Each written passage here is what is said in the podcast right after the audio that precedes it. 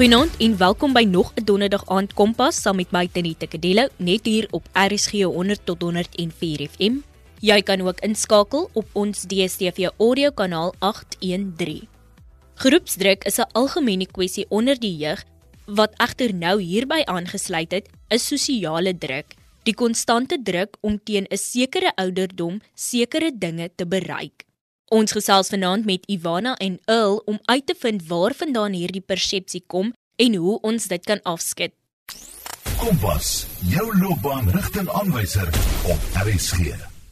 Ivana, die impak van sosiale media speel al reeds so 'n groot rol op geestelike welstand en ons sien daagliks hoe dit mense se lewens beide verryk, maar ook in 'n mate verwoesting saai. Ek is Ivana Caesar, 20 jaar oud en ek studeer forensiese rekenmeesterskap by die Noordwes Universiteit Potchefstroom kampus. Okay, so vandag se onderwerp lê baie na in my hart want ek het eerstens 'n ondervinding daarmee. En dit is 'n baie gepaste kwessie en onderwerp wat ons as die jeug en ons emosionele welstand beïnvloed. Ek het gemengde emosies hieroor omdat dit maar baie dae neig na beide positiewe en negatiewe impak. Eerstens wil ek net praat oor mental health in geheel. Dit is werklik ontsettend belangrik dat nie net die jeug nie, maar almal moet besef dat mental health reël is. Ek kan nie genoeg klem plaas daarop oor hoe belangrik dit is om te kyk na ons geestelike en emosionele welstand nie. Depressie, angs en bipolar is 'n realiteit. En daar is soveel mense, veral jongelinge, wie dit silently battle agter toe deure.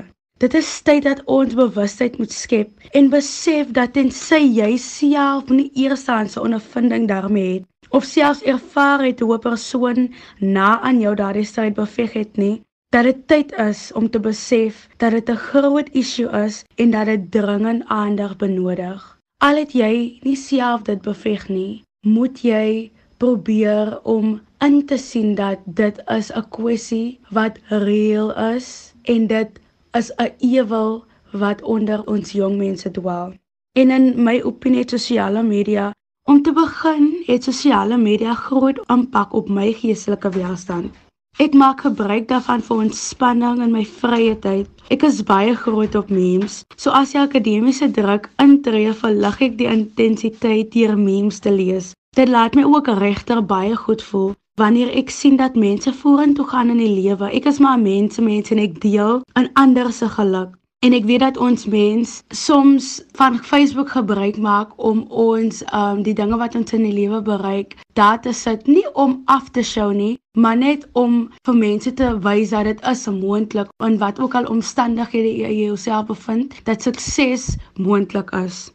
Ek sien baie posts wat my motiveer veral wanneer ek sien dat my porteergroep goed doen in die lewe. In dieselfde asem affekteer dit my geestelike welstand baie sleg omdat daar elke dag beruf verskyn van geslagsgebaseerde geweld, moorde, proteste, kwessies wat ons land sleg affekteer en die lys gaan aan en aan.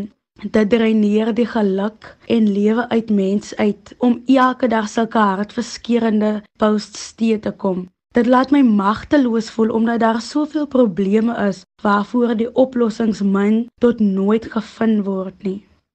Ivana, sal jy sê dat jy afhanklik is van sosiale media of kan jy of enige ander jong mens in vandag se lewe daarsonder klaarkom en wat is die apps wat jy elke dag moet na kyk?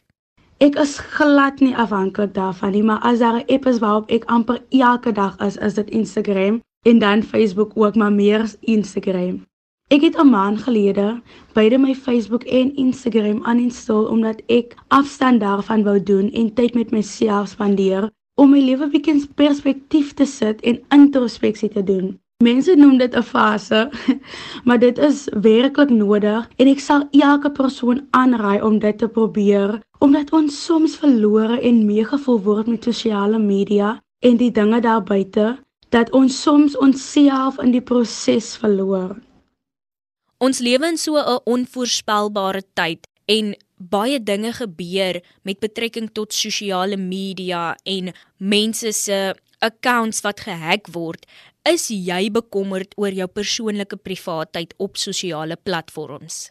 Wel, ja, soms ons deel gedeeltes van onsself met vriende en kennisse op sosiale media. Maar met die toenemende gevalle van human trafficking en gender-based violence, voel dit nie net dat myne nie, maar baie van ons jong meisies, kinders en vroue se veiligheid gekompromise word omdat daar pedofiele en oortreders sosiale media misbruik om hul slagoffers en teikens op hierdie wyse te bestudeer. En dit is moeilik omdat daar nie 'n manier is waarop ons ons profile kan beveilig teen sulke persone of syndikaate nie. Ivana, ons het vroeër gepraat oor die negatiewe en die positiewe kant van sosiale media. Maar wat is dit van sosiale media wat jou laat goed voel oor jouself en wat is die nuus wat jy net heeltemal vanaf wegbly? Met ander woorde, dit wat vir jou 'n bietjie negatief laat voel, dit wat vir jou te neergedruk laat voel. Dit is so maklik om 'n minderwaardigheidskompleks te ontwikkel as gevolg van wat society aanvaar as die standaard van wat mooi en goed is. Jy kan maklik insekuur word omdat jy jouself dalk vergelyk met wat gesien word as mooi en vergeet dat jy perfek is net soos wat jy is. En dan tweedens, baie mense gee voor deur 'n prentjie te skep van die idee van die mense wie hulle wil hê mense moet dink hulle is. So dis moeilik om te onderskei tussen real en fake omdat soveel mense maskers dra. Hoe vind jy mense wie opreg is as almal net voorgee en nie alself kan wees op sosiale media nie? En dan derdens, is dit ongelooflik baie time consuming. Jy besef nie hoeveel tyd dit in beslag neem nie en ek dink dat dit definitief iets negatiefs kan wees. En dan aan die positiewe kant, is dit 'n groot platform om te netwerk nuwe mense te ontmoet en nuwe dinge te leer. Daar's soveel geleenthede as jy op die regte plekke kyk. Jy is op hoogte van die nuutste trends en fashion. Jy kan dit gebruik as 'n platform om jou besigheid te bemark. Jou potensiële of toekomstige werkgewer mag jou dalk op sosiale media vind en jy kan in kontak bly met jou vriende en jou familie en kyk die voorreg om vandag te kan praat as juis as gevolg van sosiale media te neta. Ivana is nog hier, maar Il Cornelius, 'n life coach van Grabouw, sluit by ons aan om te vertel watter rol life coaches in hierdie proses speel. Kompas, jou loopbaanrigtingaanwyser op RSG. Il, wat maak die werk van 'n life coach so belangrik en wat is jou fokuspunte? 'n Life coach vir my um het verskeie betekenisse as ook um sien ek 'n life coach as nie net 'n uh, mentor of nie net 'n uh, eienaar van 'n besigheid nie, maar ook soort van manager in jou lewe, soort van die persoon wat vir jou rigting aandui in jou lewe. Dit is wat ek sal sê um, die belangrikheid van 'n life coach. Alhoewel bly ons gefokus in 'n wêreld waar daar 'n konstante gejaag is. Dit is nie aldag veral vir ons jong mense, veral jy weet nie net jong mense nie, maar die society in geheel is dit verskriklik moeilik om gefokus te bly want jy weet die lewe is vinnig soos hulle sê en vir ons om kop bo water te hou is soms onmoontlik. Om ek sê ons want ek myself as 'n jong mens het dit al ervaar um in terme van besigheid in terme van lewe oor die algemeen. Jy weet, soos hulle sê dat lewe is 'n gejag na wind. So jy kan baie baie vinnig wees. Dan wil ek hê ons moet gesels oor een van die grootste kwessies, dat jy teen 'n sekere ouderdom sekere dinge moet bereik. So as ek kyk na hierdie spesifieke vraag, sal my opinie baie eenvoudig wees. Ja, daar is verskriklike druk veral in die tyd waarin ons nou lewe op ons jong mense om teen 'n sekere tyd uh, maak 'n voorbeeld om jou eie voertuig te hê of miskien jou eie huis te hê of miskien druk van die ouers af om jy weet op 'n vroeë ouderdom op jou eie te kan bly. Of um, jy weet miskien ook druk van society af wat society van jou verlang. Ja, so dis basies my opinie teenoor hierdie vraag. Jy weet ons word sommige kere in 'n hoekie gedompel en uh sommige kere gaan jou vriende vorentoe of sommige kere is jou vriende baie jonger as jou, maar dan besit hulle hulle eie vervoer of hulle het hulle eie blyplek. So ja, so elke persoon, veral jong mense, omstandighede verskil. Die volgende kwessie lê baie na aan my hart en dit is die druk om by te hou by society se tydlyn waarteen jy op 'n sekere tyd sekere dinge moet bereik. Die impak hiervan kan lei tot stres en of depressie omdat ons onnodige druk op onsself plaas om by te hou by die tydlyn wat daar gestel is. Wie het in elk geval hierdie tydlyn gestel en hoe is dit ewen relevant?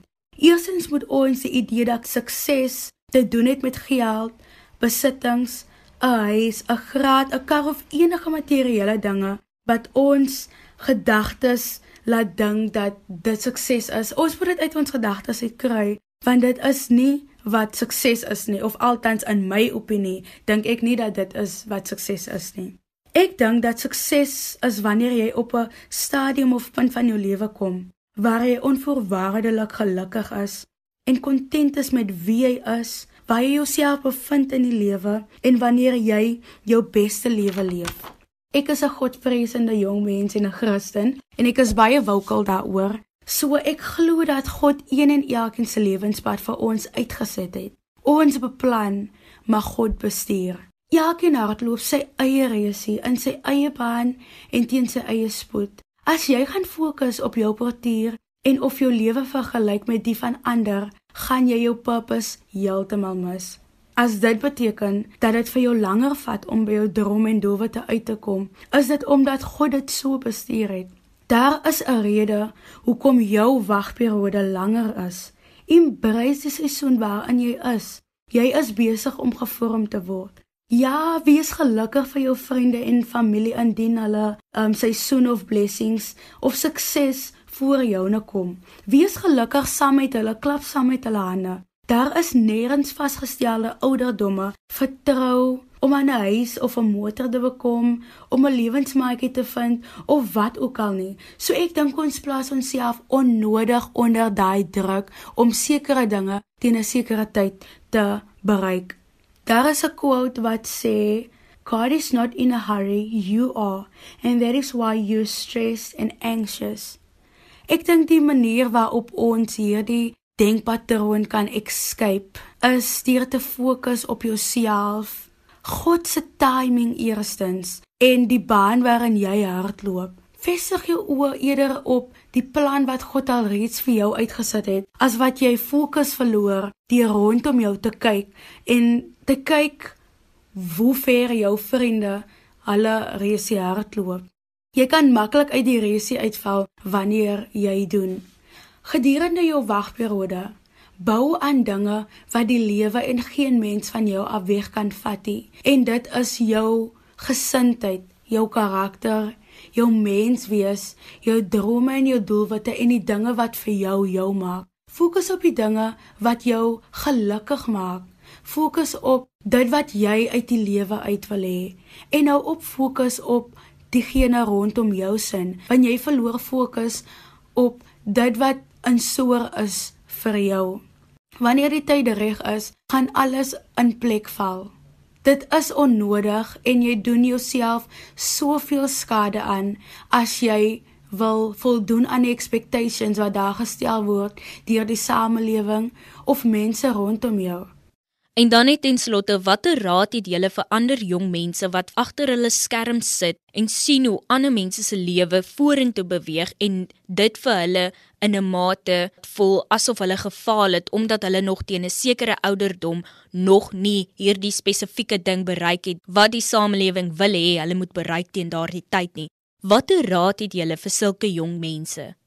Mense gaan altyd praat of jy goed doen en of jy sleg doen, mense gaan altyd iets hê om te sê. So ignoreer mense se opinie want op die ou end van die dag maak dit glad nie een saak nie. Ons is geneig om onsself in 'n boksie te plaas en onsself te limit as gevolg van die opinies van ander. En jy Weerhou jouself van om jou volle potensiaal te bereik omdat jy uitmis op wie jy is. Vergeet van ander, vergeet van hulle opinies, vergeet van hulle oordeel.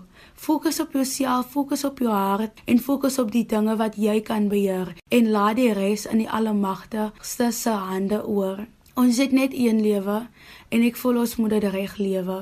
Maak besluite wat vir jou gaan baat. Maak besluite wat in jou toekoms en jou nageslag gaan baat. Breek die generational curse wat daar is. Dis tyd dat dit hier uithardloop. Jong mens, ek wil jou aanmoedig. Jy's amazing.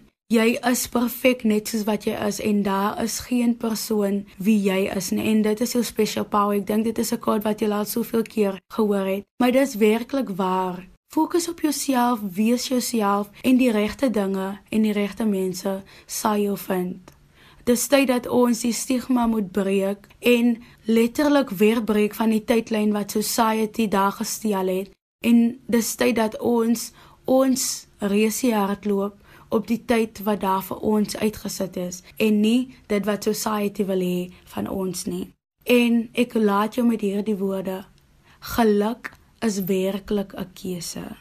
Ons as jong mense moet probeer om positief te bly in moeilike omstandighede, veral in die tyd waarin ons nou lewe waar die abnormaal skielik normaal geword het.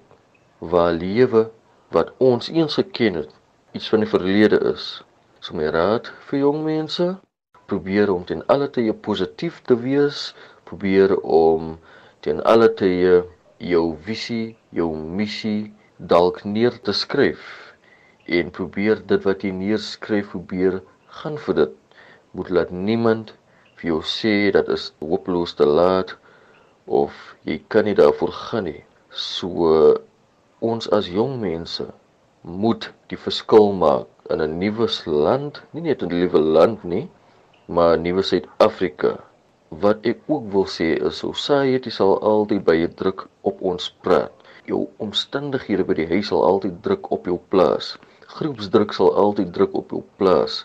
Maar wat ons nie moet vergeet nie, is dat ons almal is vir 'n doel op die aarde.